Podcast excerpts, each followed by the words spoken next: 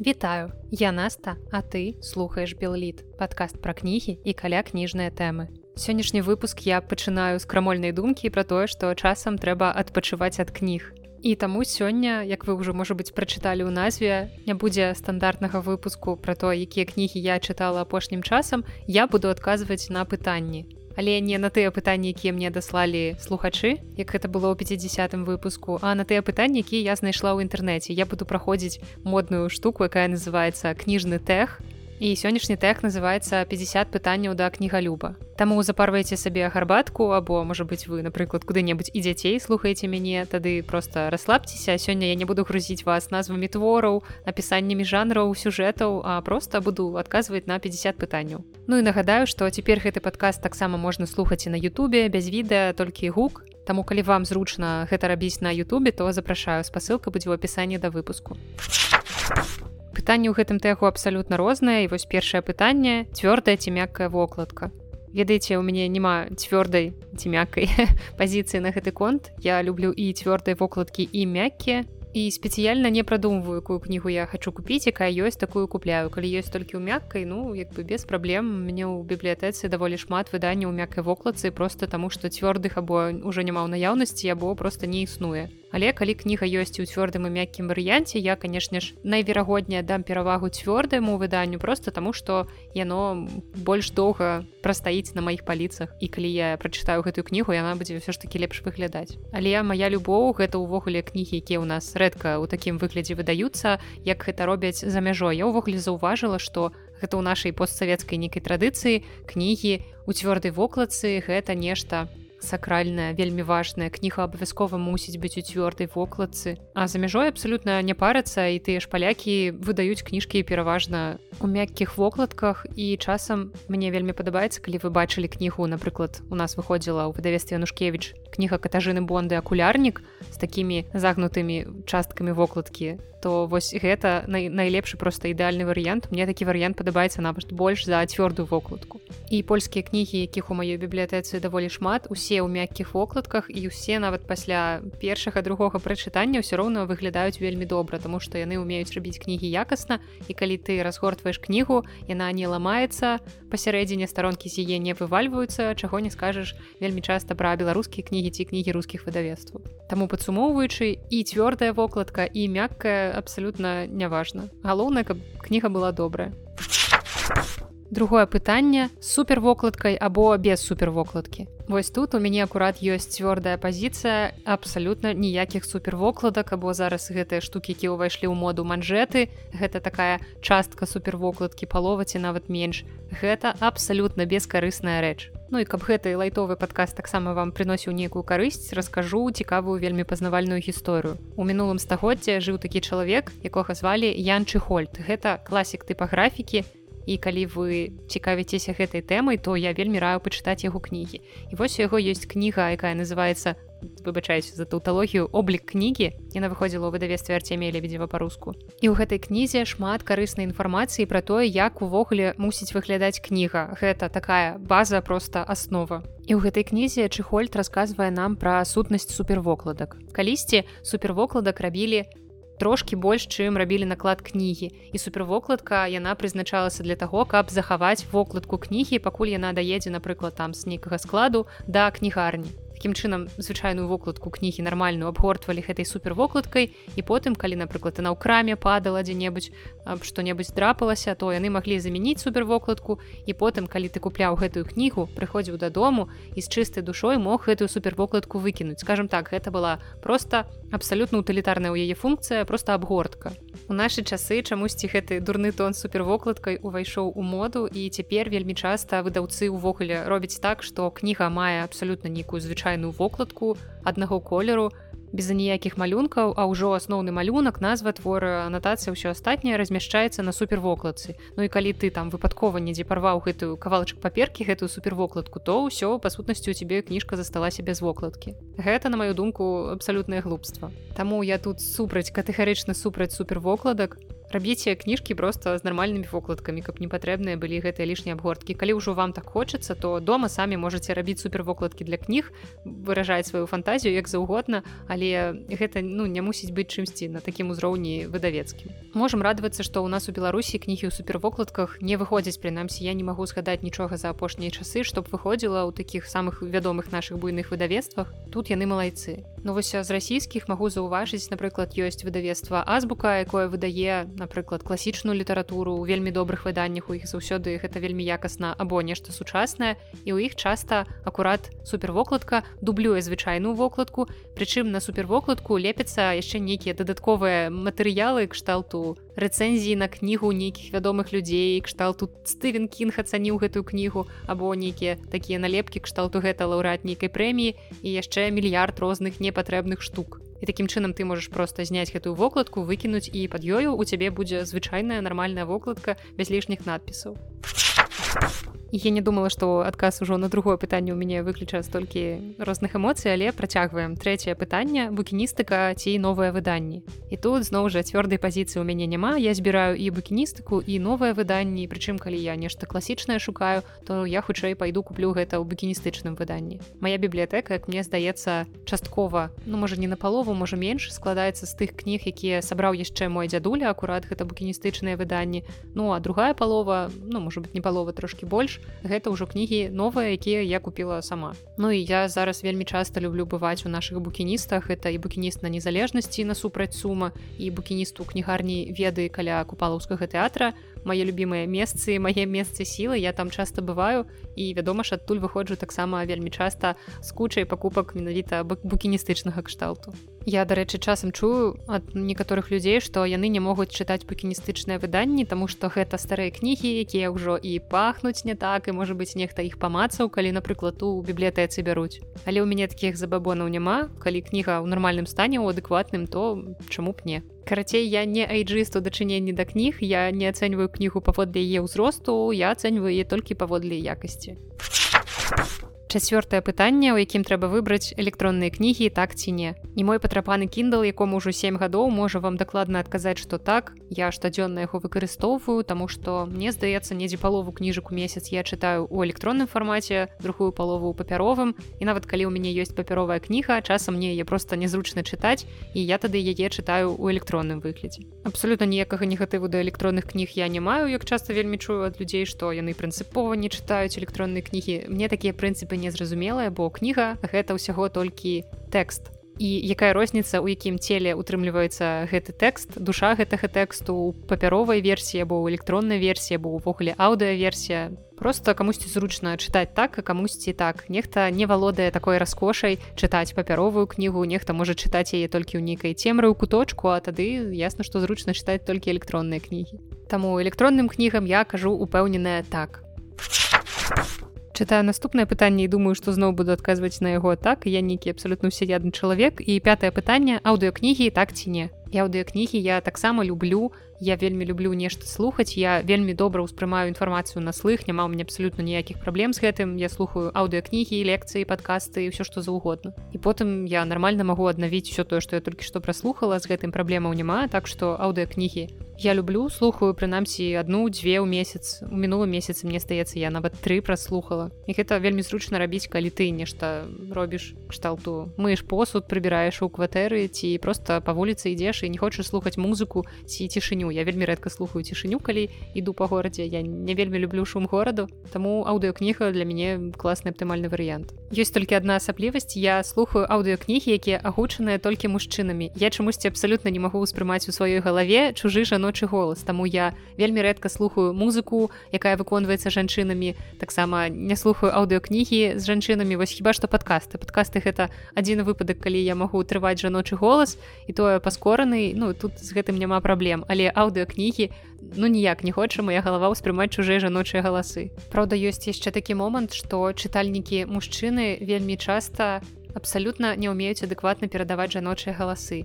Ясна што калі ты чытаеш кнігу дзе ёсць нейкі дыялог табе хочацца як чытальніку гэта зрабіць неяк па акцёрску прачытаць на розныя галасы асабліва калі там рознага полу персонажы але вельмі часта чытальнікі мужчыны робяць жанчын гераінь вельмі нейкімі пісклявымі ненатуральнымі. Вось ёсць цудоўны чытальнік ігар князя у якога я бязмежна люблю. Ён вельмі класна агучвае кніжкі па-руску але чамусьці у яго ёсць пэўная праблема з жаночымі галасамі. Яны ўсе ў яго нейкія такія манерныя вельмі высокія. Карацей трэба яму яшчэ з гэтым папрацаваць. І гэта дарэчы многія людзі адзначаюць у ім але апошнім часам амаль што ўсе кнігі якія я слухаю гэта кнігі польскія. Мне ёсць подпіска на польскі сторытэл і у мяне там ёсць просто мой фаварыт. Гэта філіп косюр гэта чалавек які просто неверагодным голасам валодае. Яго можна не важна што ў гэтай кнізе яго можна слухаць гадзінамі просто днямі суткамі тому что у яго неверагодна прыемны нізкі голас і ён яшчэ гаворыць па-польску. Польская мова гэта моя асаблівая любоў. Таму калі вы слухаеце па-польску то горача вам раю прынамсі на сторытэле просто мільярд кніжак з яго агучкай. І акурат зараз я слухаю ўжо другую кнігу серыі пра камісара марціна закшэвскага і вось яго все всю гэтую серію агучыў косюр. І я прачуваю што мяне чакае яшчэ шмат шмат кніжак цудоўных у яго выкананні. І каб вы таксама трапілі пад магію голасу філіпа косюра я вам зараз акурат уключу урывак з ягонай начыткай Paulina Czerny patrzyła na ciemną sylwetkę Zakrzewskiego. Takie sprawy zawsze same go znajdowały. W życiu nie widziała większego szczęściarza, a może to było jego przekleństwem. Zakrzewski zmienił obraz na rzutniku. Teraz widzieli komputerową rekonstrukcję twarzy kobiety z długimi czarnymi włosami. Ну гэта я вам уключыла яго на звычайнай хуткасці. Я слухаю звычайна на хуткасці 175 часам нават два. Магія трошки губляецца але калі мне хочацца ўсё ж таки адчуць гэтую магію я ўключаю на самую стандартную звычайную хуткасць і просто атрымліваю асалоду.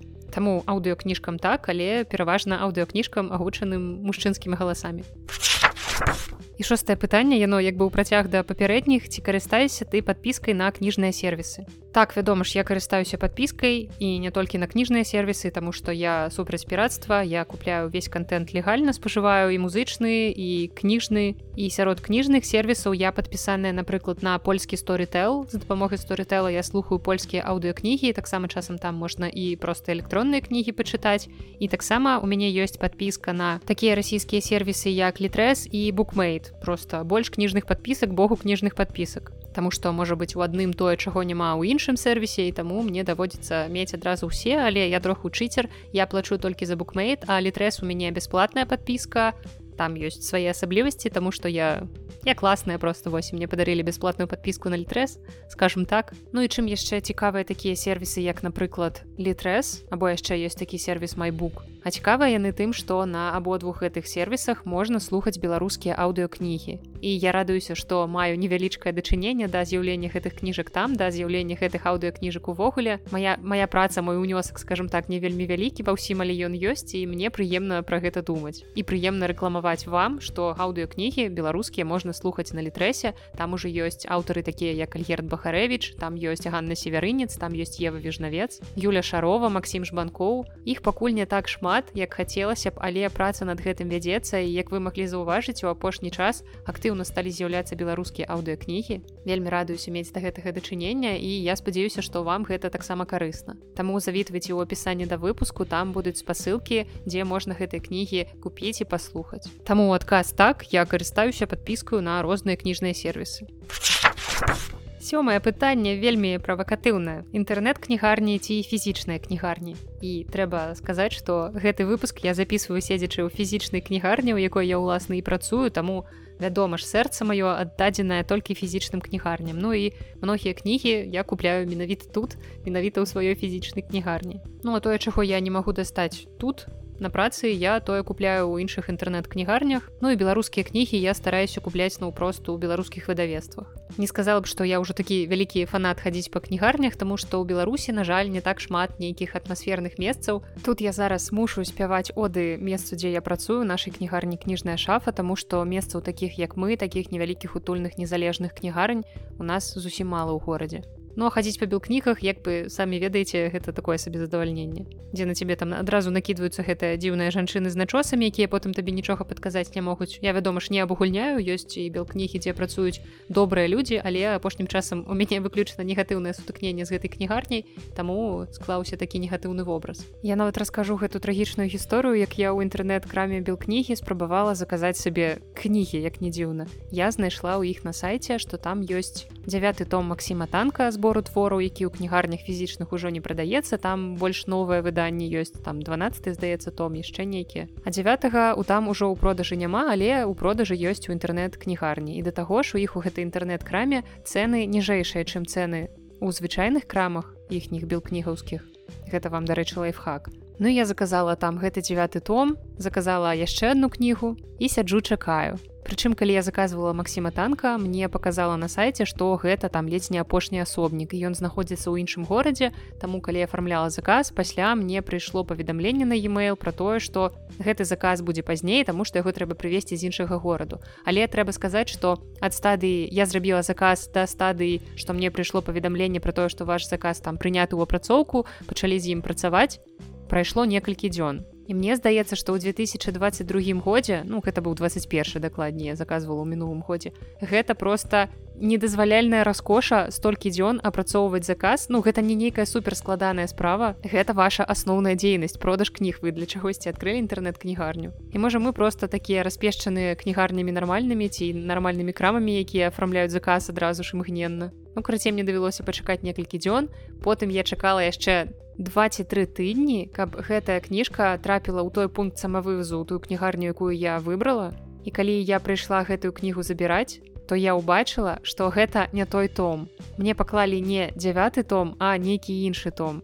І добра што заўважыла. І там у заказе ў мяне было ўсяго дзве кнігі я выкупіла одну непатрэбны мне том збору твораў я не стала купляць Ну і другі раз афармляць заказ на яго я не стала тому что мне мае нервы даражэй бо гэта было ўжо другое непрыемнае сутыкненне з белкнігай. А першае было яшчэ раней калісьці даўно я вырашыла заказаць у іх кнігу якую нідзе знайсці не магла. Гэта была ўжо не беларуская кніга гэта была нават не памятаю што за кніга яна была ў выдавецтве аст расійскім выходзіла і гэта была серыя эксклюзіўная класіка. І вось усіх месцаў дзе я звычайна бяру кнігі яна чамусьці засталася толькі ў белкнізе. Ну я заказала яе на сайце аформіла заказ у патрэбны мне пункт самавывазу і там праз некалькі дзён мне раніцы недзе а 8 ці а 9 калі я яшчэ спакойна спала сабе ў ложку мне патэлефанавалі. І гэта быў незнаёмы нумар у мяне звычайны телефон адключаны. Я раніцай ну такі час не адказваю на званкі калі ведаю што нічога важнага там дакладна не будзе.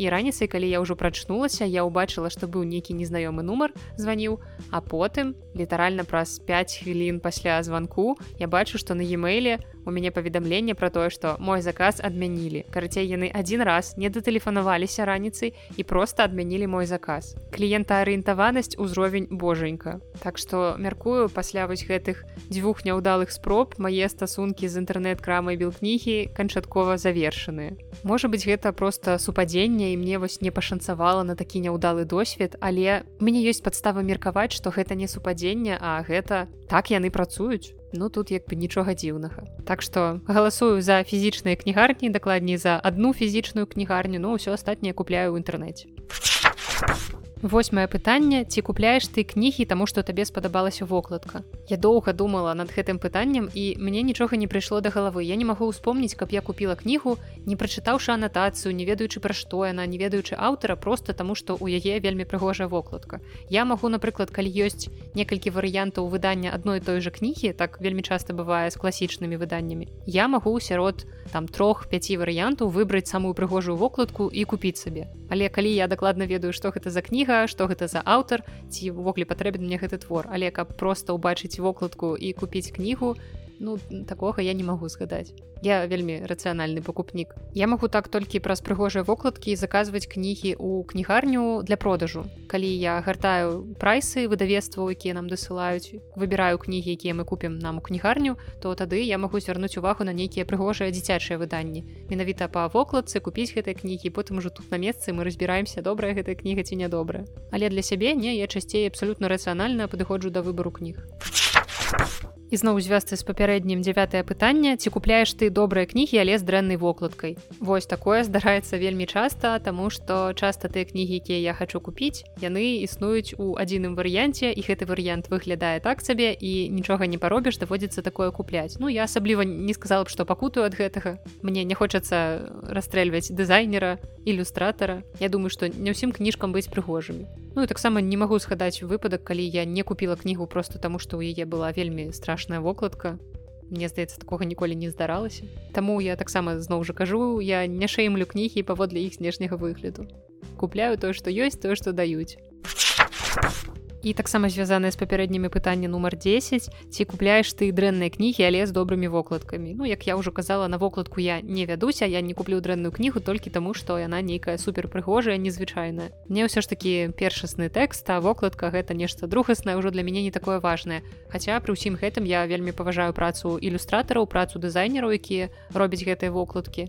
І заўсёды адзначаю хто з ілюстратараў мастакоў зрабіў тую ці іншую вокладку Прынамсі сярод беларускіх ілюстратараў у мяне даволі шмат фаварытаў. Гэта ясная справа і валеры славук які робіць неверагодныя просто міфалагічныя малюнкі. Таксама мне падабаецца тое што робіць стася сакалоўская тое што робіць касярына дубовік. Яны часцей робяць дзіцячыя кнігі але таксама і дарослыя вокладкі ў іх ёсць. Таксама мне падабаюцца некаторыя вокладкі Наталі паваляевай вось яна ўжо акурат часцей робіць для дарослых. Ну і таксама мне падабаюцца ілюстрацыі лілі давыдоўская якая ілюструе кнігі дзіцячыя ганны янкуты. Гэта іх гісторыі пра катаж прота і кніга пра марту так што беларускіх мастакоў ілюстратараў дызайнераў я ведаю трошкі лепш чым нейкіх замежных тому што звяртаю увагу на іх все ж такі часцей нарэшце з адзінацатым пытаннем мы ўжо трошкі глыбей пачынаем занурацца ў тэму ўсё ж такі кніжак уласна а не просто вокладак кніжак ці чагосьці каля кніжнага і адзінацатае пытанне гэта першая кніга якую ты прачытаў я абсалютна не ўяўляю што вам адказаць Я не ведаю адкуль узяць такую інфармацыю у нейкай маёй галаве ўнутры ў падсвядомасці нічога такога няма. Я я зусім не памятаю якая кніга была маёй першай бо вучылася чытаць я не па кнізе. Я здаецца ў 50 выпуску акурат у адказах на пытанні вам рассказывала гэтую цудоўную гісторыю кранальную дапытвацца ў бацькоў таксама бессэнсоўна я не думаю што ў іх у галаве таксама захаваліся нейкі такія веды. Не думаю што яны сачылі асабліва за гэтым. Таму на гэтае пытанне у мяне адказу абсалютна няма. Я памятаю кнігі якія мне ў дзяцінстве падабаліся якія я ў розным узросце чытала але якая кніга была першай гэта назаўсёды застанецца загадкай нават для мяне. 12 пытанне апошняя кніга якую ты прачытаў і гэту кнігу я чытала ў арыгінале па-ангельску. Гэта the adventures of огі матч і гэту кнігу напісаў сол белу вядомы амерыканскі пісьменнік лаўрад нобелеўскай прэміі яўрэйскага паходжання. Кніга была напісана ў сярэдзіне мінулага стагоддзя. І гэта гісторыя сталення хлопчыка якога вось звалі огі. Можа быть у адным з выпускаў подкаста я про гэту кнігу вам раскажу. Не той каб я засталася ад яе ў вялікім захапленні але кніга твор даволі цікавы. а 13 пытанне апошняя кніжная серыя якую ты скончыў. І каб адказаць на гэтае пытанне мне давялося пагартаць маё прачытанае на сайце лайфліп дзе я адзначаю усе кнігі якія чытаю і так я даведалася што апошняй прачытанай кнігай акурат мінулым месяцы апошняй прачытанай у цыкле стала кніга жоэля дзікера вядомага швейцарскага пісьменніка якая называется кніга балтимаров гэта другая і апошняя кніга ў цыкле пра маркуса гольдмана пісьменніка і калі першая кніга з гэтага цыкла правда аддзелі гарі квебрата мне даволі зайшла скажем так то кніга балтимаров нават не хачу згадваць гэта было дрэнна 14 пытанне апошняя кніга якую ты купіў. І гэта адбылося акурат сёння апошнюю кнігу я купила сёння і гэтая кніга называется дзіковінныя дыялогі в кніжных магазинах і яе напісала ангельская паэтка Джен Кэмпбл Яна сама шмат гадоў працавала ў кнігарнях і вам зразумела чаму я зацікавілася гэтай кнігай. І ў гэтай кнізе ў рускім выданні акрамя гісторыі з розных замежных кнігарняў таксама ёсць розныя гісторыі з незалежных кнігарняў якія знаходзяцца ў рассіі я так адчуваю што ў мяне таксама ёсць імпэт і інфармацыя вялікая колькасць інфармацыі для таго каб напісаць такую кнігу але я, я падумаю наконт гэтага. 15 пытанне гэта суцэльная правакацыя. Якую кнігу ты можаш параіць чытаць усім? Мне заўсёды здавалася што кнігі гэта вельмі асабістая рэч у тым плане што Мабыць не існуе нейкай адзінай універсальнай кнігі якая спадабаецца усім нават той жа гары потар які мог вам прыйсці ў галаву калі вы пачулі гэтае пытанне ён падабаецца далёка не ўсім так я была здзіўлена існуюць гэтыя ерытыкі людзі якія абсалютна адмаўляюць прыгажосць і класіку гары потара і кажуць што гэта нейкае абы што якое не трэба чытаць ні дзецям ні дарослым. Такія людзі ёсць я стараюся з гэтымі людзьмі не камунікаваць. Як бы людзі ёсць але для мяне яны не існуюць. Ну я вядома жартую але сапраўды нават гары потар атрымліваецца гэта не такая універсальная штука як падавалася б. Таму мне нават складана нешта падабраць. І хутчэй за ўсё тут трэба раіць нешта нават не мастацкае а лепш нейкі нон-фікшн навукова-папулярнае нешта прычым тое што наўпрост звязаны з чалавекам таму гэта мусіць быць нейкая кніга або па анатоміі чалавека або па нейкай унутранай будове пэўных органаў ці ўвогуле пра працу арганізма нашага цалкам. Таму я думаю што можна параіць нешта кшталту сапольскі яго вялізны том біялогія добра і зла бо мне здаецца што вы можете зусім не чытаць кнігі мастацкія вы можете нічым не цікавіцца але вы вельмі дзіўна калі чалавек не цікавіцца сам сабой. Не цікавіцца тым што ў яго ўнутры як у нейкім фізічным біялагічным плане так і ў нейкім духоўным ментальным. Таму моя парада універсальная будзе такая спазнавайце сябе спасцігайце сябе і даведвайцеся што ж там у вас унутры як вы уладкаваны 16 пытанне топ-3 тваіх любімых літаратурных жанраў і ў адказе на гэтае пытанне я буду трошку чыцерам. Я не зусім адкажу на пытанне я просто раскажу якія кнігі я люблю чытаць. Што ў кнігах мне падабаецца якія тэмы ну вядома ж звярнуся крыху і да жанраў да літаратурных напрамкаў. І калі казаць агулам акурат пра напрамкі то я бязмежна люблю рэалізм і натуралізм. Гэта мае асноўныя любимыя напрамкі я абажаю творчасць такіх класікаў як эмиль заля Джон стейнбек теодор драйзер. Гэта мае фаварыты кнігі якіх у мяне ўваходзіць у спіс найлепшых самых любімых і мне вельмі падабаецца калі літаратура паказвае жыццё яна паказвае жыццё такім якое яно ёсць. Нічога не прыхарошваючы. І як вы заўважылі па маім падкасці я не вельмі люблю пазітыўную літаратуру бо мне здаецца што вясёлага смешнага нейкага шчаслівага мне хапае ў жыцці а літаратуру ўсё ж хацелася б чытаць тую якая мяне по-добраму так торкае бо вясёлыя пазітыўныя кнігі мяне не торкаюць ёсць напрыклад такая вядомая пісьменніца фэні флех супер папулярная яе чытаюць перавыдаюць і ў яе ёсць вядомая кніга напрыклад может можа быть вы чулі жареныя зялёныя памідоры в кафе полустанак і вось я прачытала некалькі яе кніг якія раюць як нейкую такую таблетку ад суму ад нейкіх таких настрояў не вельмі пазітыўных я прачытала і мне было безмежна сумна таму што гэта ўсё настолькі пазітыўна і такое ўсё салодкае што гэта немагчыма чытаць вось тут акурат цягне ванітаваць калі чытаеш такія кнігі Таму я люблю нешта больш жыццёвае можа быть больш безвыходнае але пры гэтым больш рэалістычнае больш набліжаная да жыцця таксама я люблю псіхалагічную прозу я люблю раманы дзе аўтар залазіць у галаву персонажаў капаецца спрабуючы разабрацца што з ім адбываецца. Таксама цікава калі гэты персонаж напрыклад з нейкімі псіхічнымі адхіленнямі. Мяне вельмі цікавіць гэтая тэма ў медыцыне у псіхалогіі і ў мастацкай літаратуры таксама для адпачынку я люблю чытаць добрыя дэтэктывы добрыя трылеры і зараз гэтыя жанры ў росквіце. Мне здаецца што яны заўсёды будуць папулярныя бо гэта тая рэч якая можа захапіць і дынамічным сюжэтам нейкімі цікавымі незвычайнымі паваротамі сюжэтаў і разгадкамі. Таму такія кнігі я з задавальненнем чытаю. Я вельмі люблю польскія дэтэктывы таму што палякі ў гэтым жанры для мяне проста неверагодныя. Таксама тое ж самае магу сказаць і пра скандынаўскія дэтэктывы. Скандынаўскія ўсё ж такі ў свеце больш вядомыя але я думаю што калі палякаў больш актыўна перакладалі на розныя замежныя мовы яны б таксама былі папулярныя ва ўсім свеце бо у іх са скандынавамі ёсць нешта падобнае тое што іх яднае гэта нейкая гэтая правінцыйная безвыходнасць калі падзеі ў раманах адбываюцца звычайна ў нейкай правінцыі і гэта ўсё змрочнае безвыходнае вельмі трагічнае так что так дэтэктывы трылеры тое што мне падабаецца і тое чаго я атрымліваю асалоду калі я стамілася чытаць нейкую сур'ёзную інтэлектуальную літаратуру або нейкі нон-фікшн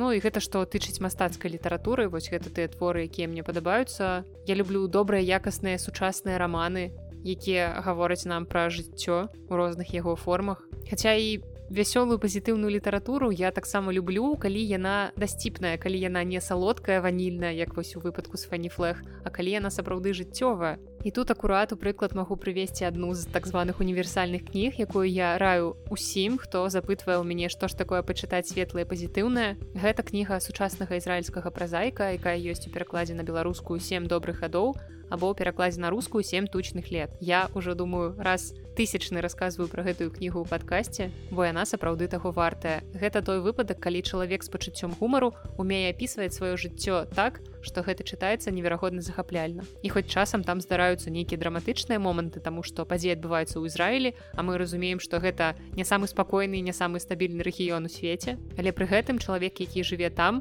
валодаючы пачуццём гумару і нейкай такой жыццёвай стойкасцю пераносіць розныя непрыемныя моманты ён апісвае гэта вельмі пазітыўна. Так што не думайце што я чытаю выключна сумныя кніжкі дзе ўсе паміраюць. Не гэта далёка не так. Вось так калі у агульных рысах акрэсліць тую літаратуру якую я чытаю тыя жанры кірункі напрамкі якія мне падабаюцца. Пытанне нумар 17 да якога жанру ніколі не даходзяць руки і гэтае пытанне я разумею так што нібыта ёсць нейкі жанр які я хочу прачытаць але ніяк не магу да яго дацягнуцца ці не даходзіць руки ці няма часу. Ну я думаю что гэта тое маецца на увазе а не той жанр які я ў прынцыпе не чытаю. Калі разважаць пра літаратуру да якой мяне ніколі не даходзіць руки то я хутчэй за ўсё назову фэнтэзі Таму што калі я была малая я вельмі любіла чытаць фэнтэзі. Я абажала толкіна я абажала нейкую сучасную больш літаратуру ў жанры фэнтэзі і мне неверагодна падабалася занурацца ў гэтыя сусветы у гэтыя выдуманыя сусветы дзе шмат неверагодна незвычайных герояў якія праходзяць праз розныя выпрабаванні. Мне хацелася таксама далучыцца да іх стаць адной з іх таксама быць той самай моцнай гераіней з жанру фэнтэзі. Але потым калі я падрасла то фэнтэзі для мяне неяк адышло на нейкі дальні зусім дальні план. І зараз калі я хачу зноў працягваць чытаць фэнтэзі я просто ў жаху ад таго колькі класных твораў гэтага жанру існуе. І я чаму тыя кнігі якія я хочу прачытаць усе такія аграменныя. Вось мяне напрыклад цікавіць вельмі актуальная цікавая папулярная зараз аўтарка робін хоп. Але я калі бачу гэта яе таміны і там яшчэ ў цыклах некалькі частак і цыклаў там дзясяткі мне становіцца просто страшно что я возьму першую кнігу і больш ніколі не змагу чытаць нічога іншага я буду чытаць толькі робін хоп. Таму пакуль калі мае рукі даходзяць да гэтага жанру то гэта нейкія больш тонкія творы. Напрыклад я задавальненнем прачытала цыкл брэндана сандерсона рождённы туманам і гэта кнігі якія я раю усім беларусам тому что вы знойдзеце нечаканы шмат алюзій на наше жыццё ў гэтых творах. Ставалася фэнтэзійных таких даволі лёгкіх творах. Але для беларусаў зашмат трыгераў вельмі шмат пераходзім да 18 пытання. Ці чытаеш ты паэзію? Я вам больш скажу я не толькі чытаю паэзію я яшчэ часам яе пішу. Ну а калі ўсё ж вярнуцца да чытання то так я чытаю паэзію Праўда не так часта як хацелася б. Вось тут акурат у мяне не заўсёды даходзіць руки але прынамсі за беларускай паэзіяй я стараюся сачыць. Я чытаю усе навінкі не заўсёды пра іх расказваю бо не заўсёды ёсць пра што расказваць але штогод у мяне знаходзіцца тая паэтычная кніга якая становіцца найлепшай. І летась гэта была кніга дар'і бялькевич яе дэбютны зборнік які называется слёзы на ветер 19 пытанне ці чытаеш ты нон-фікшн? О так я чытаю шмат нон-фікшана гэта абсалютна розныя тэмы нейкія навукова-папулярныя пра медыцыну пра про будову чалавечага цела чалавечай псіхікі мозгу пра абсалютна розныя штукі пра горы пра мора пра сонца пра ваду карацей мне цікава амаль усё. Я люблю даведвацца новае пра то як уладкаваны наш свет пра то як уладкаваны людзі пра нейкія новыя прафесіі і вельмі часта людзі якія валодаюць пэўнай прафесіі яны могуць настолькі захапляльна яе апісаць што нават калі я не цікавілася гэтай прафесіі дагэтуль я прачытаю гэтую кнігу і буду яе ў захапленні просто Таму нон-фікшн я люблю і вы маглі заўважыць па падкасці што я часта рассказываю пра кнігі жанра нон-фікшн акурат вы маглі ўбачыць якія ў мяне тэмы любімыя. Таму калі вы таксама любіце нон-фікшн то заставайцеся са мной і ў наступных выпусках вас чакаюць многія многія цікавыя кнігі жанра нон-фікшн. Але зноў жа у свеце так шмат людзей людзей з абсалютна рознымі густамі і я часта чую пра людзей якія чытаюць толькі нон-фікшн. Прычым вельмі часта пад літаратурай жанр нон-фікшн яны маюць на ўвазе толькі такія ўсе аднолькавыя нізкаякасныя кнігі па самаразвіцці якія штампуюцца зараз просто дзясяткамі і тысячамі. Яны прыкладна ўсе аднолькавыя у іх ніякай карыснай інфармацыі няма але людзі лічаць што мастацкая літаратура гэта трата часу а вось нон-фікшн гэта тое што абавязкова ўсім толькі яго трэба і чытаць І тут я просто катэгарычна нязгодная. 20 пытанне ці чытаеш ты дзіцячыя кнігі Ужо не раз у падкасці казала, што дзяцей у мяне пакуль няма, але дзіцячую літаратуру я чытаю, дзіцячую літаратуру я вельмі люблю і зноў жа вы маглі заўважыць, што даволі часта я пра яе расказваю ў падкасці. У мяне ёсць нават некалькі асобных выпускаў менавіта пра дзіцячыя кнігі. Так што гэта я люблю. І часцей я чытаю дзіцячую літаратуру недзе гадоў з 10, таму што кнігі такія для малых з карцінкамі дзе не так шмат тэксту ясна што гэта мне менш цікава. Я магу там часам нешта выключнае прачытаць але пераважна я чытаю паўнавартасныя вялікія гісторыі. І апошняя моя прачытаная дзіцячая кніга гэта кніга французскага аўтара дніяля пенака якая называется сабака пёс і калі вы любіце сабак калі у вас ёсць сабакі калі вы маеце да іх пэўны сантымент то гэта тая кніга дзіцячая якая можа вас прымусіць плакаць. Бо гэта вельмі кранальная гісторыя гісторыя жыцця аднаго сабакі якога звалі пёс сярод выдавецтваў у мяне вядома ж у фаварытах беларускае выдавецтва коска якое выдае класную скандынаўскую літаратуру. З таго што ў іх выходзіла ў апошні час магу вам горача параіць кнігу якая называется яміна эмы ад богі гэта гісторыя пра дзіцячую фантазію і пра тое як бацькі занадта моцна клапоціцца пры сваіх дзяцей замест таго каб неяк даць ім волю для фантазіі волю для творчасці таксама ў адным з папярэдніх выпускаў я прызнавалася ў любові да расійскага выдавецтва самакаты. Гэта сапраўды тое выдавецтва якое я бязмежна люблю. Іх выбар кніг гэта заўсёды нешта неверагоднае. І амаль заўсёды калі я чытаю кнігі я ўпэўненая ў тым што яны мне спадабаюцца. Таму так дзіцячыя кнігі я люблю дзіцячыя кнігі я чытаю вельмі цікавае 21 пытанне. Любімы кніжны або каля кніжны прадмет. І першае што мне прыйшло ў галаву на гэтую тэму гэта вядома ж мой kindle гэта максімальна набліжаны да кніг прадмет. Уласна той прадмет з якога гэтыя кнігі можна чытаць. І майму кіндлу ўжо 7 гадоў амаль. Я памятаю купила яго летом 2015 года калі я вярнулася з адпачынку і зразумела што ўсё так далей працягвацца не можа. Моя старая чыталка гэта быў векслербук я купляла яе вельмі вельмі даўно я ўжо нават не памятаю калі яна ўжо аджыла сваё і я тады вырашыла што прыйшоў час стаць дарослая дзяўчынка і купіць сабе кіндл. І вось з таго часу ён у мяне жыве выдатна выглядае. Ну калі я не пакоцала яго трошку аднойчы я фатаграфавала кнігі і паклала там кіндл і на яго зверху выраніла асадку і яна ўтыркнулася ў экраны цяпер на экране ёсць такая невялічкая кропачка якая у прынцыпе мне не перашкаджае але калі б я была супер перфекцыяністам то мабыць я б ужо купіла сабе новы кіндл. Але ён акрамя гэтага працуе выдатна таму я не магу як чалавек чалавек вельмі рацыянальны я не магу себе прымусіць просто змяніць свайго сябра здрадзіць яму таму я просто купила яму сёлета новы чахол і ён зноў прыгожанькі акуратненькі. Таму раскажыце дарэчы у каментарях якімі чыталкамі вы карыстаецеся калі яны у вас ёсць ці падабаюцца вам яны. Бо вакол мяне амаль все людзі карыстаюцца кіндламі і лічаць што гэта просто найлепшая кніжная пакупка якую яны калі-небудзь рабілі. І гэта сапраўды так гэта такі прадмет надзейны і было б добра калі б кіндл занёс мне грошай за рэкламу але гэта ўжо нейкі мае занадта крутыя фантазіі. Калі што ў мяне Kindle Paperwhite 2015 года з падсветкай, без лішніх кнопачак на панелі, просто акуратная прыгожая штука вельмі функцыянальная. У ім ёсць Wi-Fi, можна закідваць туды кніжкі, можна чытаць кніжкі наўпрост з Амазона.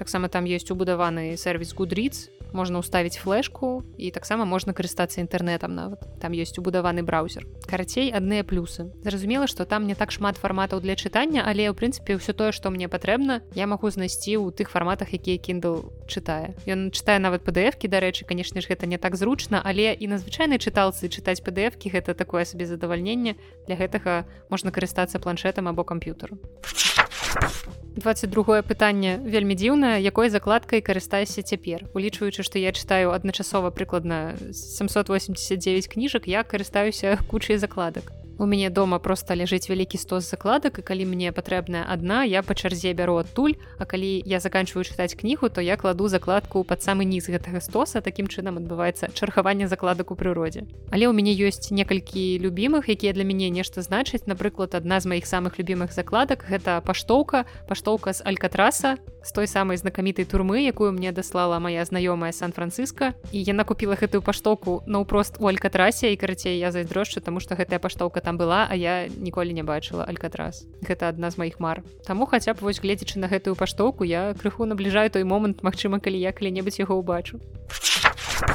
Пытанне нумар 23 самая дзіўная рэч у якасці закладкі і мне адразу ўзгадваецца стары мем дзе чатыры фоткі гэта кніжка закладзеная шампунем кніжка закладзеная зарадкай ад ноутбука кніжка закладзеная телефоном і яшчэ чымсьці і подпіс кшталту здаецца у маёй дзяўчыны праблемы з закладкамі так вось я так не раблю я звычайна закладываю кнігі паперай кавалачкам паперы калі под рукой мяне няма закладкі то тады я просто бяру нейкі кавалак паперы хаця аднойчы я памятаю я закладвала кніжку старымі грашыма калісьці калі яшчэ былі вось гэтыя 10 рублёў 5 рублёў такія невялічкага памеру вось я ім закладвала кніжкі а таксама некалькі гадоў таму ці нават ужо не некалькі ўжо можа гадоў 10 таму я не больш чым 10 я старая капец. Карацей яшчэ калі я вучылася ва універсітэце а гэта было больш за 10 гадоў таму так. Я поступила ва універсітэт у 2010 і вось недзе тады актыўна карысталася алиэкспрэсам і я на заказвала сабе з алиэкспрэса просто мільёна разнастайных закладак якія былі вельмі прыгожыя але абсалютна нефункцыянальныя і цяпер вось яны прыгожа ў мяне ляжаць у шафе. Я імі не карыстаюся але можна выкарыстоўваць як рэквізіт для фатаграфій яшчэ калі я слухала гэты кніжны тэх у выкананні адной з youtube блогерак то я даведалася што яна вельмі часта выкарыстоўвае ў якасці закладак пластикавыя карткі зразумела што ты у якіх ужо скончыўся тэрмін дзеяння але гэта дзіўнавата бо пластикавая картка на ўсё ж такі больш тоўстая чым кавалак кардону з якога звычайна складаецца закладка. Таму я не ведаю наколькі зручна гэта ў невялічкіх кніжках якія там могуць не закрыцца просто ад такой закладкі. Але штосьці больш дзіўнае чым карысталася я не магу прыгадаць. І з кожным адказам на пытанне мне ўсё больш падаецца што я просто максімальна сумны і нецікавы чалавек. Навошта я ўвогуле завяла гэты падкаст? Мне здаецца што мне няма чаго сказаць свету наступнае пытанне нумар 24 яно зноў пра нейкую кніжную дыскрымінацыю. Што я выбіраю тоўстыя кнігі 600 плюс старонак ці звычайныя 250 300 старонак я зноў жа не займаюся кніжным фэт-шеймінгам. Я люблю усе кнігі і апошнім часам я просто неверагодную асалоду атрымліваю менавіта ад чытання аб'ёмных кніжак. Таму што як мінімум некалькі дзён ты з гэтай кнігай правядзеш. Калі кнігу 250-300 старонак можна прачытаць за дзень-два то кніга на 600 старонак яна патрабуе такога вельмі доўгага удумлівага чытання. І потым вельмі вельмі цяжка выйсці з гэтага свету калі ты ўжо у гэтым свеце пажыў такі працяглы час. І вось зараз я акурат чытаю кнігу у якой на нашмат больш за 600 сторонок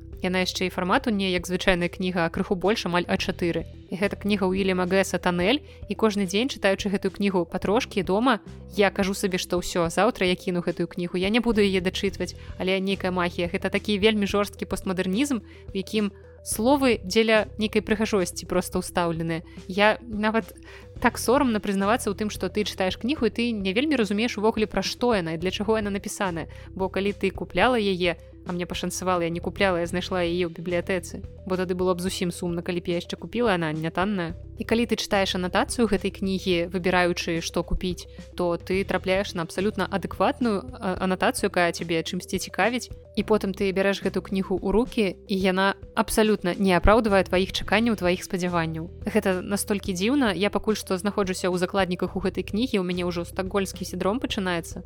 Я пачынаю яе апраўдваць шукаць нейкія прычыны чаму яна такая дзіўная чаму я яе не разумею. І я прачытала крыху менш за палову я ўсё яшчэ змагаюся і можа быть у адным з наступных выпускаў я вам раскажу чым скончылася наша змаганне. Ці перамагла я яе ці яна перамагла мяне бо звычайна я кнігі дачытваю.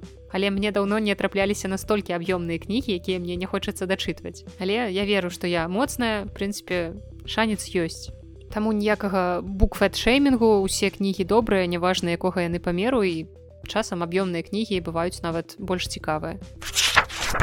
Пытанне нумар 25 кнігі з ілюстрацыямі ці голы тэкст тут мне зусім не прынцыпова я не купляю спецыяльна кнігі толькі таму што яны ілюстраваныя хаця апошнім часам вельмі модна выдаваць класіку ў нейкіх прыгожых падарункавых выданнях з ілюстрацыямі я хутчэй куплю просто кнігу без карцінак калі гэта дарослая кніга у якой ілюстрацыі не прадугледжаныя. Вось у дзіцячай літаратуры так я люблю прыгожых ілюстратараў я маю нават любімых ілюстратараў некаторых з беларускіх ілюстратараў я вам ужо называла. Таксама магу згадаць замежных роберта інкпана які неверагодна крутыя ілюстрацыі рабіў да класічных твораў. У нас у кнігарні прадаюцца яго щелкунчик або волшебнік і страны Оз, таксама розныя класічныя дзіцячыя кнігі з ілюстрацыямі гэта неверагодна прыгожа. Але звычайныя дарослыя кнігі я чытаю без ілюстрацыі, мне ў прынцыпе абсалютна ок. Пытанне нумар 26 любимая кніжная пара. Я не вельмі чытаю нейкія любоўныя гісторыі і ў кнігах я ў прынцыпе не вельмі сачу за нейкімі любоўнымі лініямі таму калі казаць пра вельмі дзіўную кніжную пару то гэта магчыма Ганна Чарнушка і Васіль Дятлік. Самая яркая пара беларускай літаратуры, ад якой пастаянна хочацца бамбіць, Таму што іх паводзіны гэта нешта абсалютна нездаровае, іх адносіны гэта нешта нездаровае. І ўвогуле псіхолагам ёсць шмат чаго да разгляду ў гэтым творы. Ну а калі прыдумаць на гэтае пытанне нейкі вельмі дасціпны адказ смешны, скажу, што моя любимая кніжная пара гэта Рон Уізлі і ягоны пацук, якога завуць скаберс. Я не памятаю, як ён гучыць у іншых перакладах у беларускім ці ў рускім. У арыгінале ён скаберс. Я называю гэтую пару любімай таму што ў іх неверагодныя адносіны бо рон вельмі вельмі клапатліва вельмі пяшчотна ставіцца да свайго хатняга гадаванца нават нягледзячы на тое што асцярожна спойлеры потым кім гэты гадаванец кажацца але ён заўсёды яго ратуе ад кота напрыклад герміёны. Або вельмі доўга ён не можа паверыць не можа змірыцца з тым што яго пацук не той за каго сябе выдае.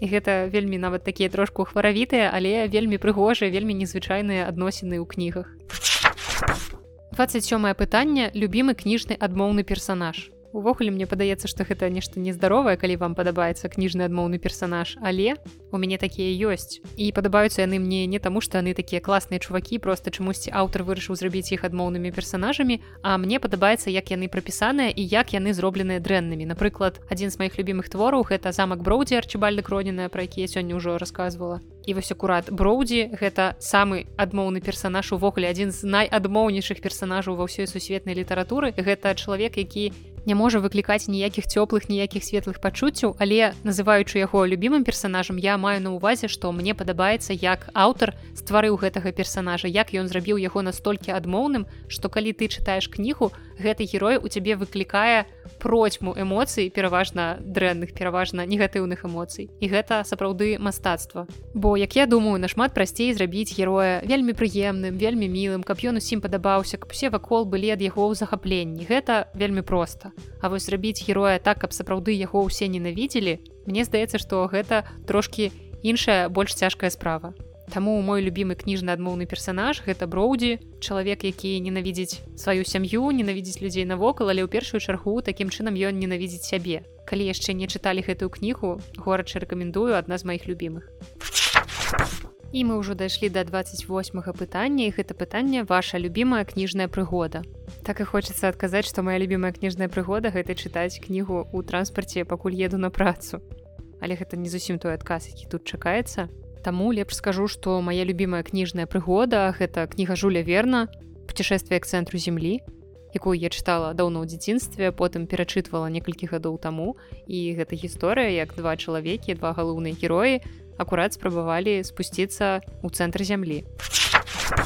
Пытанне нумар 29 любімы кніжны свет. І тут у мяне будзе два адказы адзін больш романтычны больш прыемны а другі больш жорсткі і суровы. І першы адказ гэта толкінаўскае міжзем'е нават калі крыху больш дакладна сказаць гэта шыр я б хацела жыць там недзе сярод хобітаў. Ну і ўвогуле ўвесь свет створаны толкінам акрамя мордару ясная справа. Гэта тое месца дзе мне б хацелася апынуцца.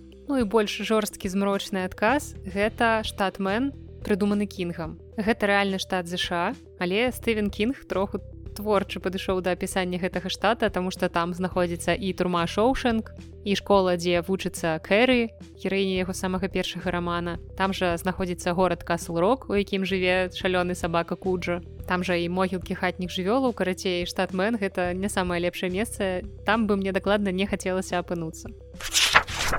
Пытанне нумар 30 любімае чытанне ў дзяцінстве ведаеце у дзяцінстве я чытала ўсё да чаго просто магла дацягнуцца моя рука. Усе кнігі якія былі ў хатняй бібліятэцы якія мне ў прынцыпе больш-менш паводле ўзросту падыходзілі я чытала ну тое што я магла зразумець. Я чытала нават дар'ю данцову калі я крыху вырасла са сваіх дзіцячых дэтэктываў я перайшла на дарослыя дэтэктывы ну мне было можа 10 гадоў трошки больш. І тады я нават атрымлівала ад гэтага асалоду. Але ну мабыць гарры поттер гэта самы універсальны адказ таму што гэта тое што зрабіла маё дзяцінства Я думаю што не толькі маё Я думаю сярод маіх слухачоў таксама знойдуцца тыя людзі для якіх гары поттер быў такой лёсавызначальнай кнігай у дзяцінстве хто рос разам з гары поттером бо калі я была малая і першую кнігу чытала мне прыкладна было столькі ж гадоў колькі галоўным героем можа трошки менш. Ну і атрымліваецца што кнігі выходзілі паступова так же паступова як я расла і я расла разам з гары поттером таксама яшчэ мне чамусьці ў дзяцінстве падабалася чытаць кнігі пра дзедушку Леніна пра общество чыстых тарелак і розныя рэчы такога кшталту. У мяне аднекуль дома былі кнігі пра Леніна дзіцячыя я іх чытала Ну але Гарры Поттер Гарры Поттер быў той той самай асновай пытанне 31 серыя ці адзіночныя кнігі у мяне столькі няскончаных серый і цыклаў кніг что тут я мабыць выберу адзіночныя кнігі просто таму что ты прачытаў ну і забыў ці не забыў гледзячы якая кніга але серыя гэта тое што патрабуе ад цябе крыху большай уцягнутасці і пажадана серыі чытаць там не па адной кнізе ў ход як я часам раблю а ўсе запар. Але калі серыя цудоўная табе не хочацца раставацца з гэтымі персонажамі і ты спецыяльна адцягваеш момант дачытвання у мяне зараз так адбываецца з серыяй кніг пра хары холле нарвежскага пісьменніка юнесбю мне засталося дачытаць дзве кнігі ў цыкле і здаецца пакуль што новых не плануецца і ўвогуле я спадзяюсь ён скончыў гэтую гісторыю. Але гэтыя дзве апошнія кнігі мне не даюцца просто з нейкі нейкіх маральных прычын. Мне вельмі вельмі цяжка прымусіць сябе дачытаць і расстацца з гэтай гісторыяй, расстацца з гэтымі персанажамі. Таму я вось пакуль зацягваю, адцягваю, ніяк не магу дачытаць.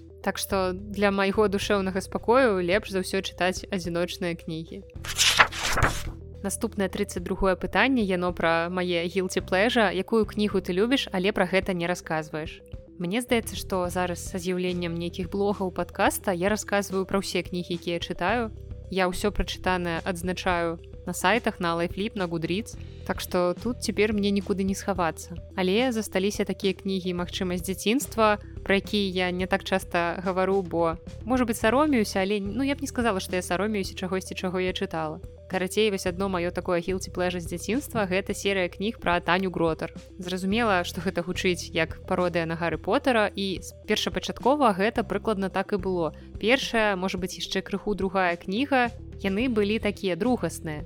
Хоць і даволі цікавая як бы таленту у аўтара адназначна ёсць але пакуль гэтая кніга была такім спадчыннікам гары потара нейкім такім бастардам гары потара я б сказала. Але далей гэтая серыя ператварылася ў нешта такое вельмі самабытнае вельмі своеасаблівая з элементамі славянскай міфалогіі нейкай славянскай культуры і гэта стало ўжо зусім непадобным да свету гары потара і я прачытала ў дзяцінстве ўвесь цыкл гэтых кніг не так даўно занесла ўсю гэтую серыю ў бібліятэку у мяне былі папяровыя выданні мне дзядулі купляў. І гэта маё такое можа быть трошки гілці але ўсё ж таки плэжа Ну і вось раз я вам про гэта расказала значыць ужо не, не такое ўжо і гілці не так мне ўжо за яго і сорамна 33 пытанне папулярная кніга якая табе не спадабалася. І таких кніг даволі шмат бо калі кніга папулярная гэта яшчэ не значыць што она добрая. Напрыклад ёсць такі расійскі пісьменнік александр палярны у якога есть кніга якая называется мятная сказка яна неверагодна папулярная яна прадаецца выдаецца велізарнымі накладамі. Девочки гадоў до 12 у захапленні ад гэтай кнігі ад яе аўтара. Але гэта вельмі дрэнная папулярная кніга.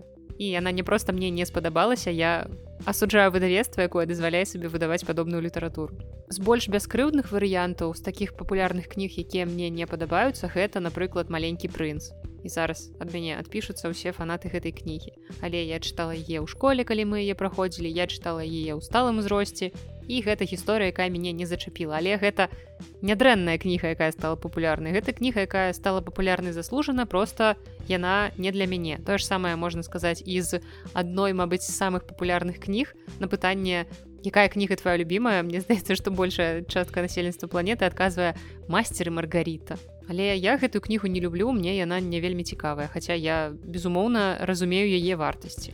Таксама з папулярных кніг у адным з папярэдніх выпускаў я рассказывала пра шантарам. Гэта таксама папулярная кніга не вельмі добрая папулярная кніга якая мне катэгарычна не спадабалася Ну і гэта першыя кнігі якія мне прыйшлі ў галаву. Можа быть я калі-небудзь яшчэ што-небудзь згадаю і раскажу вам пра гэта ў наступных выпусках. Пытанне нумар 34 вельмі пафасная кніга якая змяніла тваё жыццё. Неяк у глобальным агульнажыццёвым плане я не думаю што маё жыццё неяк змянялася под уплывам кніг але ёсць кнігі якія на мяне паўплывалі ў чытацкім плане. Напрыклад яшчэ калі ў школе я прачытала кнігу чума альбера камю то гэтая кніга на мяне моцна паўплывала ў тым плане што я стала больш адказна падыходзіць да выбару літаратурыкі якую я чытаю. І можна сказаць што менавіта з чумы камю маё дзіцячае чытанне перарасло ў нейкае больш дарослае больш сталае чытанне. Я зразумела якой можа быць літаратура як яна можа ўздзейнічаць на людзей Мачыма нават камусьці змяняць жыцці Таму няхай маім адказам будзе чума камю. Пытанне нумар 35, якую кнігу ты не любіла ў школе. І як я ўжо адказала раней, гэта майстер Маргарыта і маленькі прынц. Мы акурат у школе іх праходзілі і мне было гэта не вельмі цікава. Ну таксама магу сказаць, што вайна і мір таксама тая кніга, якая ў школе мне была не вельмі цікава, але прынамсі я яе цалкам прачытала. Хацела сказаць пытанне нумар 36 але рамонт зверху вырашыў усё за мяне. Ну і ўсё ж таки пытанне нумар 36 ваша любимая экранізацыя. І гэта даволі складанае пытанне бо таких экранізацый ёсць шмат. Напрыклад у топе самых любимых маіх фільмаў увогуле акурат экранізацыі гэта напрыклад форест гамп або пабег из шоушанка адпаведна форест камп гэта кніга уінстона грума. Кніга адстойная адразу кажу што гэта той выпадак калі рэдкі выпадак калі экранізацыя аказалася нашмат лепшай за кнігу Ну і пабег з шоушанка гэта экранізацыя аповесці рыта хайворд або пабег з шоушанка стывена кінга таксама мне вельмі падабаюцца экранізацыі гары потара экранізацыі ўладара пярсцёнкаў нават хобіта Ну і гэта такія больш папсовыя адказы А каб вам сказаць нешта незвычайнае то магу вам параіць і кнігу і фільм і называется обласці тьмы гэта роман алана хліна і гэта экранізацыя ў ёй галоўную ролю грае брэдлі купер. Цудоўная кніга цудоўны фільм горад чараю пытанне нумар 37 фільмы паводле кніг або серыялы паводле кніг ведаеце гэта залежыць ад памераў кнігі ну калі гэта напрыклад цэлы цыкл кніжны то вядома ж лепш з гэтага зрабіць серыяла калі гэта адна кніга калі гэта не вельмі аб'ёмная кніга то я думаю што і ў фільм можна ўсё змясціць. Таму у мяне зноў жа няма нейкай цвёрдай пазіцыі по гэтым пытанні.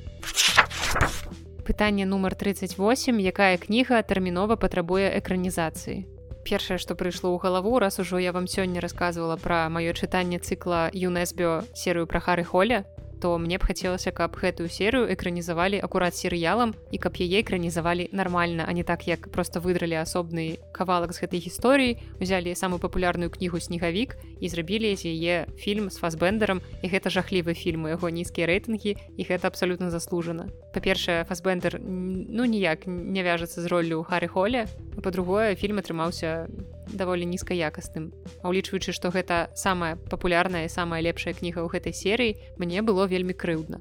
І вось мне хацелася б каб выйшаў нармальны скандынаўскі серыял паводле гэтага цыклу пытанне нумар 39 ці купляеш ты кнігі для калекцыі Ну гледзячы што зразумець пад калекцыяй напрыклад калі я прачытала нейкую кнігу ў электронным выглядзе і яна мне спадабалася я ведаю што я можа быць буду яе перачытваць ці просто мне прыемна каб яна была ў мяне на паліцах то ну такім чынам так для калекцыі кнігі я купляю. Але просто нейкія прыгожыя кнігі для прыгажосці я не купляю пытанне нумар 40 ці аддаеш ты кнігі на дабрачыннасць ну на такую ну простую дабрачыннасць не. Напрыклад я не завожу свае кнігі у інтэрнаты нейкія ці нешта накшталт але перыядычна я аддаю свае кнігі якія мне не хочацца захоўваць у бібліятэцы. Я аддаю у бібліятэку раённую якую я хаджу або просто пакідаю свае кнігі на паліцы буккросінгу. Але часцей за ўсё кнігі якія я прачытала і не хачу пакідаць іх у сваёй бібліятэцы я іх прадаю калі яны ў добрым стане калі я ведаю што гэтую кнігу яшчэ можна прадаць і такім чынам ёй падарыць другое жыццё. Пытанне нумар 41 любімы перакус падчас чытання Ну я ў прынцыпе магу пад любы прыём ежы чытаць кніжку ну, часцей гэта акурат kindle бывае электронная кніга і самы часты выпадак калі я чытаю падчас сняданка. Таму можа быць любімы мой перакус падчас чытання гэта мой сняданак. Але спецыяльна нешта пажываць калі чытаю я не бяру. Няма такога што я падрыхтавала кубачак гарбаты нейкую смачную булачку ці пірожнай села чытаць кніжку. Не такога не бывае. Часцей гэта мой нейкі асноўны прыём ежы я падчас яго чытаю. Хаця лекары насамрэч не раюць так рабіць. Падчас прыём ежы вы мусіце прымаць ежу а не глядзець серыялы ці чытаць кніжкі Пытанне нумар 42 любімая поза для чытання. Любая максімальна утульная поза. І ведаеце, апошнім часам я лаўлю неверагодны дзен ад чытання ў транспарце. Я просто сяджу і чытаю кнігу і мне добра. Так што нейкіх асаблівых фатэляў, асаблівых ложкаў з пледамі мне не патрэбна для таго, каб чытаць галоўна, каб проста мне было зручна. Мне дастаткова для гэтага проста сесці. Пытанне нумар 43 прыроднае ці штучнае асвятленне для чытання. А гэта ўжо залежыць ад кнігі, якую я чытаю, Таму што кнігі, напрыклад, з белымі старонкамі яны не вельмі падыходзяць для таго, каб іх чытаць на вуліцы і таму я не вельмі люблю кнігі з белай паперай. І дарэчы, многія людзі лічаць, што белая папера ў кнігах гэта так якасна, гэта прафесіянальна і менавіта так павінна быць. Але я адкрыю вам таямніцу, гэта не вельмі дорага і гэта не вельмі якасна. Вось калі ў кнізе шчыльная крэмавая папера ці малочная вось гэта сапраўды класная папера. Гэта зноў жа калі звяртацца да таго яна чыхольда якога я ўжо недзе ў пачатку выпуску згадвала крэмавая папера нашмат больш прыемная для вашых вачэй асабліва калі вы чытаеце кнігу на вуліцы ці проста з нейкім натуральным асвятленнем. Таму што яна вас прынамсі не асвятляе Таму калі я на вуліцы я вядома ж аддаю перавагу кнігам з прыгожай крэмавай паперай. А калі я недзе дома то я магу ў прынцыпе чытаць любую кнігу. Ну і калі цёплае надвор'е я стараюся як мага больш часу праводзіць на прыродзе ну адпаведна з кнігай. Але зараз зіма на жаль большасць свайго часу я чытаю або дома под лямпай вечарам або калі еду ў транспарце ці куды-небудзь на працу ці куды яшчэ і тады гэта таксама штучнае асвятленне метро ці іншага грамадскага транспарту. Ну яшчэ у мяне кіндл з падсветкай так што я магу чытаць дзе заўгодна нават у цехніку ранку ноччу. Пытанне нумар 44 чытаць дома ці на вуліцы. Ну гэта адсылае нас да папярэдняга пытання я магу чытаць і там і там мне без розніцы, але зімой асабліва на вуліцы не пачытаеш. Хаця і летам у мяне не заўсёды ёсць дастатковы часу для таго, каб чытаць на вуліцы, але калі атрымліваецца, то мне гэта вельмі падабаецца. На жаль, такая раскоша бывае не вельмі часта.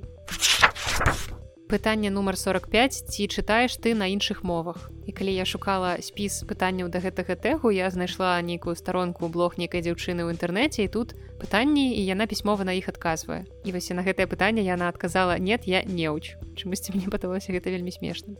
Але на гэтае пытанне я адкажу, што так, я чытаю на іншых мовах. Я чытаю па-руску і па-беларуску заўсёды, я чытаю па-польску вельмі часта або слухаю аўдыокнігі па-польску. Таксама я чытаю па-ангельску прынамсі я стараюся адну-дзве кнігі ў месяц чытаць па-ангельску. Ну і гэта такія чатыры мае асноўныя мовы яшчэ па-украінску. Вось па-украінску я таксама магу чытаць але мне украінскія кнігі на жаль не так часто трапляюцца. Каб іх чытаць але па-украінску таксама чытаць я свабодна абсалютна магу. Так што атрымліваецца як мінімум 5 моў у мяне ў запасе ёсць для чытання і я лічу сябе ў гэтым плане вельмі багатым чалавекам. Пытанне нумар 46 хутка чытанне так ці не. І тут все вельмі асабіста залежыць ад той мэты якая у вас ёсць. Напрыклад мастацкую літаратуру няма сэнсу чытаць хутка тому что вы чытаеце звычайна мастацкую літаратуру для задавальнення для адпачынку для того каб атрымаць асалоду з прыемнай кнігай. І які сэнс імкнуцца хутчэй гэта зрабіць? Ну гэта губляю сялякі сэнс увогуле чытання літаратуры. Хутка чытання хутчэй вам патрэбнае для чытання нейкай навуковай літаратуры нон-фікшану ці калі вы рыхтуецеся да экзамену вам трэба хутка нешта прачытаць. Але тут трэба разумець што па-першае гэта такое даволі выбарачнае чытанне па-другое Я думаю што у вас даволі хутка з галавы ўсё выветрыцца. Таму я не катэгарычна супраць хутка чытання але для мяне ў ім вельмі мала сэнсу. Дарэчы на гэтую тэму чытала цэлую кнігу якую я нікому не раю. Гэта кніга скарачцення как запамінаць больше читаю 8 раз быстрее кнігу напісаў Пітер камп пытанне нумар 47 якую кніжную серыю ты хочаш скончыць у гэтым годзе. І я б не сказала што вельмі хачу але спадзяюся што скончу. Вось акурат серыю пра хары холле. Дзве кнігі як я ўжо казала мне засталося жажда і нож і мне будзе вельмі вельмі сумна вельмі неахвотна буду раставацца з гэтай серыі але хочацца ўжо сапраўды скончыць а таксама сёлета хачу дачытаць трылогію пясецкага менскую трылогію якая пачалася кнігай яблычак якая для мяне летась стала адной з найлепшых прачытаных кніжак і таксама дзве іншыя кнігі я хачу сёлета дачытаць і вам ужо нарэшце расказаць пра ўсю трылогію цалкам бо яна шыкоўная прынамсі першая кніга была шыкоўнай хочацца з вами падзяліцца а пытанне нумар 48 выхад якой кнігі чакаеш. Ну з таго часу як 31 снежня мінулага года выдавестве нушкевич абвясціла пра выхад кнігі ўладар пярсцёнкаў які адбудзецца ў 24 годзе я ўключыла рэжым хаціка і цяпер вось жыву толькі ў чаканні гэтай кнігі. Ну а больш мабыць асаблівых ніякіх чаканняў у мяне няма.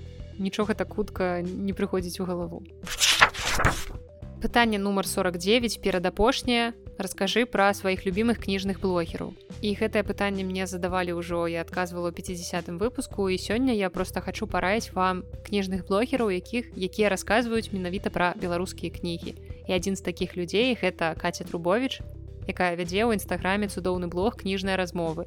Я пакіну вам спасылку ў апісанні да выпуску. Каця чытае беларускія кнігі, беларускіх аўтараў перакладныя кнігі і расказвае пра гэта ў сваім нстаграме. Прычым яна чытае не толькі дарослыя кнігі, яна чытае дзіцячыя, таму што ў яе ёсць цудоўны хлопчык, якога завуць Захар. Я ягоная фанатка, таму што каця яшчэ ў фейсбуку вельмі часта посціць нейкія цытаты, нейкія фразы, якія выдае яе сын і гэта цудоўны актыўны хлопчык з вельмі жывой багатай фантазіяй і чытаць гэта вельмі смешна. Ну і каці цудоўна расказвае пра кнігі вельмі шчыра, таму калі вы таксама цікавіцеся беларускай літаратурай, ну раз вы слухаеце гэты падкаст, магчыма, трошкі цікавіцеся, то кацю я вам гора чараю. Я вельмі радуюся, што ўсё больш і больш знаходзіцца ў нстаграме людзей, якія пішуць пра беларускія кнігі, мяне неверагодна ўсцешвае, гэта прыемная тэндэнцыя, таму абавязкова раю вам усім падпісвацца на кацю. Ну а таксама калі вы слухаеце падкасты ёсць яшчэ беларускі падкаст пра кнігі. Гэта падкаст белліт пад піва у дзяўчат іх там трое выйшаў першы сезон ужо цалкам. Там некалькі выпускаў вы можете паслухаць яго. Я спадзяюся што яны вернуцца ў другім сезоне бо гэта класны фармат. Мне ёсць праўда некалькі заўваг наконт іх фармату. Накладней не фармату а напаўнення бо я не вельмі вялікі фанат нецэнзурнай лайнкі і по ну калі яна да месца дарэчы то я нормально да яе стаўлюся. Але мне падаецца што часам асабліва ў апошніх выпускаў у дзяўчат гэта так цераз край. Але ў цэлым фармат вельмі класны. Дзяўчаты разбіраюцца праўды цікавыя творы беларускай літаратуры. Робяць гэта вельмі дасціпна. І гэта вось той выпадак калі Я зайздрошчу, што гэты фармат раблю не я. Гэта была моя акурат першапачатковая мара, калі я толькі збіралася записываць падкаст. Мне дзіка не хацелася гэта рабіць адной. Таму што я не вельмі разумела, як гэта я буду вось проста адна сядзець перад мікрафонам нешта ў мікрафон тут нашэптваць. Але як бачыце, ўжо 63 выпуск неяк уцягнулася, але ўсё роўна выпускі з гасцямі мае любімыя, калі мне ёсць з кім пагаварыць, кім абмеркаваць кнігі і ў гэтым плане падкаст пілліт пад піва просто неверагодна выйгрышны, бо іх там трое там адбываецца атрымаецца цікавы дыялог і ў гэтым плане дзяўчаты вельмі вялікія малайцы. Так што мае сённяшнія парады гэта каці трубович блог кніжныя размовы ў нстаграм і падкаст белліт пад піва спасылкі на дзяўчат я пакінуў апісанне да гэтага выпуску і апошняе пытанне яно тут спецыфічнае тому што гэты тэкст ствараўся менавіта да буктюба да кніжнага Ютуба і таму пытанне гучыць так якое відэа на буктюбе табе спадабалася за апошні час Я ў прынцыпе гляджу даволі шмат кніжных ролікаў на буктюбе. Ну апошні ролик, які мне спадабаўся, я глядзела акурат сёння раніцай. гэта ролик польскага кніжнага блогера, які завецца оконь в сеці. І гэта хлопец Марцін Аканевскі, які расказвае пра кнігі і у яго неверагодная якасць здымкі. Ягонае відэа, кожнае відэа проста як маленькі фільм, як твор мастацтва. І ў апошнім сваім відэа ён расказваў пра новую электронную кнігу, якую стварыла вядомая польская крама Эмпік разам з вядомай фірмы якая робіць электронныя кнігі покетбук яны ў такой калабарацыі зрабілі эмпік гоубук і вось ён рабіў агляд гэтай кнігі гэта было даволі цікава паглядзець такі стылёвы агрэгат я ў прынцыпе свой кіндл мяняць не планую. Але гэтая штука ад эмпіка выглядае даволі прывабна Ну я просто зачароўваюся тым як Марцін робіць відэа і гэта нейкі вышэйшы пілатаж. Я ў прынцыпе відэа здымаць не ўмею я не займаюся гэтым не раблю і таму калі ў мяне запытваюць а ці будзе калі-небудзь на Ютубе відэа не рабяты мне здаецца што не будзе ніколі бо я пакуль што не не гатовая да таго каб вучыцца гэтаму і не скажу што я атрымліваю гэтага вялікае задавальненне. Мне ўжо былі спробы запісу відэа розных не толькі кніжных і я скажу так што мне больш падабаецца фармат калі я ў прамым эфіры нешта расказваю на відэа чым калі я просто сяджу перад камерай і мяне записываюць і потым выкладваюць гэты ролик гэта не маё я лепш вось буду без карцінкі вам нешта ў вушы расказваць Вось такі сёння атрымаўся выпуск на цэлую гадзіну і як там я казала ў пачатку лайтовы выпуск. Не ведаю наколькі ён аказаўся для вас лайтовым забалбатала вам усе вушы Мабыць. А я спадзяюся што гэта крыху больш адпачывальны для вас выпуск тому што ў наступным выпуску вас чакае трошкі больш жэсці. Я буду расказваць пра адзін класічны беларускі твор які кожны раз выклікаю мяне дэпрэсію. Я чытала яго першы раз у школе і ён быў дэпрэсіўным я прачытала яго перачытала яго цяпер у новым выданні і ён зноў ужо увагнаў мяне ў дэпрэсію. Але гэта цудоўны твор і мне вельмі хочацца вам пра яго расказаць. Можа быць нехта ўжо здагадаўся які твор я маю на увазе Таму сёння адпачывайце і рыхтуйцеся што ўжо праз тыдзень вас чакае нешта больш жорсткае. Ну і вось рамонт зверху кажа мне што трэба ўжо заканчваць таму на сёння гэта ўсё. Синхронна з той штука якая свідруе нешта зверху. З вами была наста і падкаст белліт. Да сустрэчы